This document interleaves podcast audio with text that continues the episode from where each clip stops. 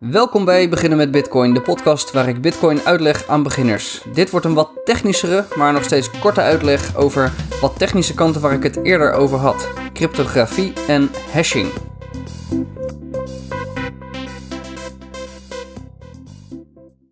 Twee technische concepten dus, die allebei in Bitcoin worden gebruikt en ik heb ze in eerdere aflevering heb ik ze ook wel besproken. Namelijk public key cryptografie en hashing. Nou, dat ga ik niet in een uh, podcast onder, de, onder een half uur volledig kunnen behandelen, maar de concepten en wat je ermee kan, uh, dat moet wel lukken. Dus uh, te beginnen met public key cryptografie. Nou, dat wordt voor, onder andere gebruikt voor Bitcoin-adressen. En wat zit er nou achter? Daar zitten wiskundige berekeningen achter. En wat eruit komt zijn uiteindelijk twee delen. Dus het heet public key cryptografie. En de public key, dat is één deel. En de private key, dat is het andere deel. Dat zijn twee, uh, twee onderdelen, zeg maar, van public key cryptografie. En die zijn ook van elkaar afgeleid. Dus je hebt een private key, dat is zeg maar jouw geheim. Of de secret key, die heb ik het ook wel vaker uh, genoemd. Dat is echt jouw geheime key en die ga je niet delen. En daarom heet die ook een private key. Ja, die hou je dus privaat. Die hou je zelf. En van die private key kan je een public key afleiden. Dat is gewoon een, eh, een wiskundige formule en dan van het een komt het ander. En die horen dus ook bij elkaar. Als je in uh, papers leest over uh, public key cryptografie, dan wordt meestal de public key met een grote K, de publiek, de grote, de bekende key, dat wordt met een grote K aangeduid en de private key met een kleine K. Nou, dagelijks worden die Concepten worden ook op meerdere plekken gebruikt. Bijvoorbeeld voor versleuteling. Als je naar een website gaat en er staat HTTPS of een slotje, zodat niemand mee kan kijken, nou dan wordt daar cryptografie, public key cryptografie, wordt daar gebruikt.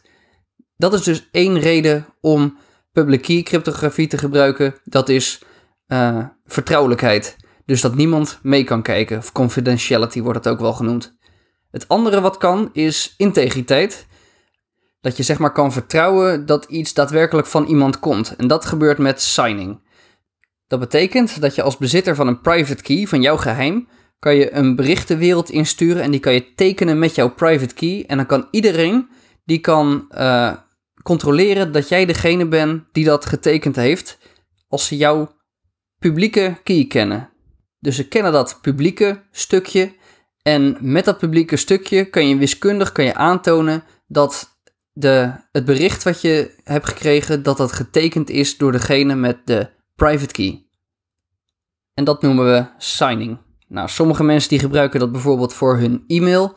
Dus als zij een e-mailtje sturen, dan gebruiken zij hun eigen secret, hun eigen uh, private key gebruiken ze om het e-mailtje te signen, te ondertekenen, zodat de ontvanger weet dat het daadwerkelijk gestuurd is door diegene. En dit signen, dat wordt ook in Bitcoin gebruikt. Dus als je even terugdenkt aan aflevering 6, toen ging het over transacties. Er waren drie delen in een transactie: de input, de output en de signature. Dus die input, dat waren Bitcoin uit een eerdere transactie, waar je bijvoorbeeld zei: joh, in blok 550.101 had ik wat Bitcoin zitten, die wil ik nu uitgeven. Dat zet je dan in de input. De output is waar je het naartoe gaat sturen. Dus dat is waarschijnlijk naar een, nieuwe uh, public key naar een key van iemand anders. Of een hash daarvan of een script daaromheen. Maar conceptueel stuur je dat weer naar iemand anders zijn public key toe. Dus hier hebben we een input en een output. En die input, dat waren dus bitcoin die eerder naar jou gestuurd zijn. Naar jouw uh, key, naar jouw public key. Heeft iemand dat gestuurd, conceptueel gezien. En nu ga je het weer naar iemand anders sturen, naar zijn public key. En dan het derde deel van die transactie, dat was de signature. En hier neemt de wallet neemt zijn private key en die bewijst dan dat hij die bitcoin mag sturen. En dat doet hij dus met public key crypto. En um, hij gebruikt dan dus die private key, die secret key gebruikt hij om een berichtje te tekenen waarmee mensen kunnen zien dat die bitcoin die uitgegeven gaan worden, die input van de transactie, dat die daadwerkelijk gecontroleerd zijn of ja, bezit zijn van diegene die die signature maakt. En zo wordt public key cryptografie gebruikt binnen Bitcoin. En dan het tweede deel, het, uh, het tweede concept, hashing. Nou, hashing kan je ook zien als een wiskundige functie of ja, zeg maar een, een soort programmaatje En wat hashing doet, die zet berichten van welke grootte dan ook, zet die om in een tekst van steeds dezelfde lengte. Dus de output van zo'n hash-functie, die is altijd 64 tekens lang. Hoe groot de message er ook is die je erin stopt. Het bericht wat je erin stopt. Dus ook al stop je een, als input van de hash-functie stop je er uh, duizend regels tekst in. Er komt altijd als output van die functie, komen er 64 teksttekens uh, komen daaruit. Hij husselt dat dus een soort van door elkaar. En het is ook niet terug te herleiden. Dus een hash-functie kan maar één kant op. Je neemt die input, die tekst, die gaat naar output en dat wordt de hash van 64 tekens dus. Maar van die 64 tekens kan je niet terug naar die originele 1000 regels tekst. Ja, ergens klinkt dat al logisch, want die informatie die, die moet verloren zijn gegaan. Als je van 1000 regels tekst bent gegaan naar 64 tekens, dan is die informatie is weg. En wat ik wel een grappig vergelijk vind om dit te gaan begrijpen, zeg maar. Stel je neemt een tekst en je wil daar een, uh, je verzint zelf een hash-functie en je, je begint met een tekst uh, van een paar pagina's lang en je telt het aantal A's en het aantal B's en het aantal C's en het aantal D's. Nou, je, je gaat gewoon kijken hoeveel er van iedere letter zijn. Nou, stel je voor dat je begint met het aantal A's, misschien 50, en dat deel je door het aantal B's, dat vermenigvuldig je met het aantal C's, dat deel je weer door het aantal D's, dat vermenigvuldig je met het aantal E's. En als je zo doorgaat voor het hele alfabet, delen, vermenigvuldigen, delen, vermenigvuldigen, dan komt er uiteindelijk komt er een getal uit. En dat getal dat zegt iets over jouw tekst, over jouw message, over jouw input, zegt dat getal wat. En als jouw buurman hetzelfde zou doen, die zou precies dezelfde formules aanhouden, dus die zou ook het aantal letters tellen van die tekst en die zou ook uh, nou, die berekening doen, de delen, vermenigvuldigen, delen, dan komt daar hetzelfde uit. En hetzelfde geldt voor zo'n hash-functie. Wie dan ook ter wereld in die hash-functie dezelfde input stopt, iedereen die krijgt dezelfde output. Want dat algoritme wat ze gebruiken, de formule, die is overal hetzelfde. En bij Bitcoin is dat zogenaamd een SHA-265 hash. Dus een SHA-265 hash. Nou, dat is een publiek ding. Dat is gewoon door iedereen inzichtelijk wat er gebeurt, wat voor ja, operaties er gebeuren, wat voor berekeningen er gebeuren, hoe dat husselen werkt. En voor iedereen ter wereld, als je een stukje tekst neemt en dat stop je in die functie, dan komt er voor iedereen uh, ter wereld die SHA-265 gebruikt, dus komt er hetzelfde uit. En als je alleen maar die output hebt dus, dan kan je dus ook niet terug naar de input. Het gaat maar één kant op, zijn hash-functie. Nou, die output, dat zijn, zoals ik zei, 64 tekens. En dan kunnen de karakters 0 tot 9 en A tot F kunnen daarin zitten. En uh, ja, dat ziet er vrij willekeurig uit.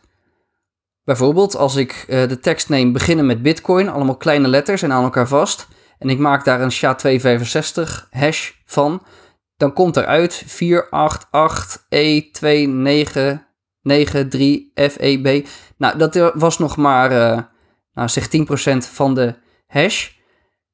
Vrij willekeurige uh, stukje tekst komt daar dus uit. Stel nou dat ik niet beginnen met Bitcoin doe met een kleine b, maar met een grote b. Dan begint, is, ja, dan begint dat tekst begint niet meer met 488, maar met 9E1. Nou, dat is dus compleet veranderd en die hele ja, die tekst die ziet er ook uh, volledig anders uit. Nou, en wat heeft dat hashing nou met Bitcoin te maken? Miners die hashen. Miners die zijn op zoek naar een hash, dus die nemen een input en de input is dat blok. En in dat blok stond dus een verwijzing naar het vorige blok. Er stonden wat transacties in. Nou, er stonden een aantal zaken stonden in dat blok. En dat is eigenlijk gewoon een stukje tekst als input. En dat gaat door die hashing-functie heen. Nou, stel je gooit een willekeurig blok door een hash-functie, dan krijg je een willekeurige tekst. Zoals beginnen met Bitcoin. Toen ik dat door zo'n functie gooide, toen begon het met 488e nog wat. Nou, dat ziet er vrij willekeurig uit. En wat Satoshi Nakamoto nou heeft bedacht, is dat uh, om te bewijzen dat je echt mee hebt gewerkt aan het netwerk, moet je een hash zien te vinden met een aantal nullen in het begin. En die vind je niet zomaar. Als ik dat wil doen, bijvoorbeeld voor de tekst beginnen met Bitcoin met een hoofdletter B, dan uh, Nou, ik heb het al geprobeerd dus met een hoofdletter B. Die begon met 9E1. Nou, dat is hem dus niet. Maar als ik daar nou een telgetalletje achter zet, dus beginnen met Bitcoin 1, dan begint hij met 5D5. Nou, helaas, niet gevonden. Geen blok gevonden, zeg maar. Nou, dan kan ik dat nummertje kan ik omhoog doen. Dan zeg ik beginnen met Bitcoin 2 als input. En dan krijg ik 1D5. Nog niet eens 1 0 in het begin. En stel nou dat ik iets dus wil vinden met drie nullen. Dan moet ik het heel vaak proberen. En dan kom ik bij beginnen met Bitcoin 3471. En die begint inderdaad met 00F7. Nou, dat kan iedereen ter wereld, die kan dat controleren. Die kan ook de tekst beginnen met Bitcoin 3471 nemen met een hoofdletter B. En er zal altijd dezelfde hash uitkomen wereldwijd 00F7. En dit is dus een vrij makkelijke berekening. Dit is, ja, dat is uh, millisecondenwerk voor iedere computer. Alleen om nou een hash te vinden met een aantal nullen, moet je het gewoon extreem vaak proberen. En hier vond ik, of hier wilde ik maar een, uh, een hash met drie nullen in het begin. En dat had ik al na 3471 keer gevonden. Maar stel je voor dat je dat 20 nullen in het begin wil hebben, dan ben je daar best wel even op aan het rekenen. Ja, en dat is dus wat die Bitcoin miners doen. Die nemen niet de tekst beginnen met Bitcoin. Nee, die nemen een heel blok. En die blijven die maar hashen. Die blijven dat telletje blijven ze ophogen. Dat is de nons, zoals dat heet, number ones. Uh, die blijven ze ophogen in de hoop zo'n hash te vinden met een aantal nullen in het begin. Nou, en dat gebeurt dus triljoenen keren per seconde, totdat ze er eentje vinden met 0000. Nou ja, iets wat dus klopt met het huidige target. Iets, ja, de regels uh, die schrijven voor hoe een hash eruit moet zien, hoeveel nullen er minimaal moeten zijn.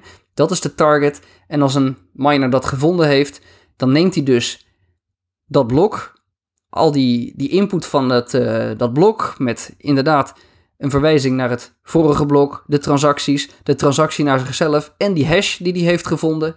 En nu kan iedereen kan dat controleren, want hij heeft dat naar het netwerk gestuurd. En iedereen die kan diezelfde input nemen, die hash ervan van maken. En die ziet ook dat er een aantal nullen zijn. Nou, dat is het bewijs dat die daar hard voor heeft gewerkt om dat te vinden. De proof of work, bewijs van werk. Nou, dit was dus iets technischer, maar wel uh, de beginconcepten van public key cryptografie en hashing. Ik hoop dat het duidelijk was en voor vragen zoek de groep op via beginnenmetbitcoin.com. Dank je voor het luisteren en tot de volgende keer.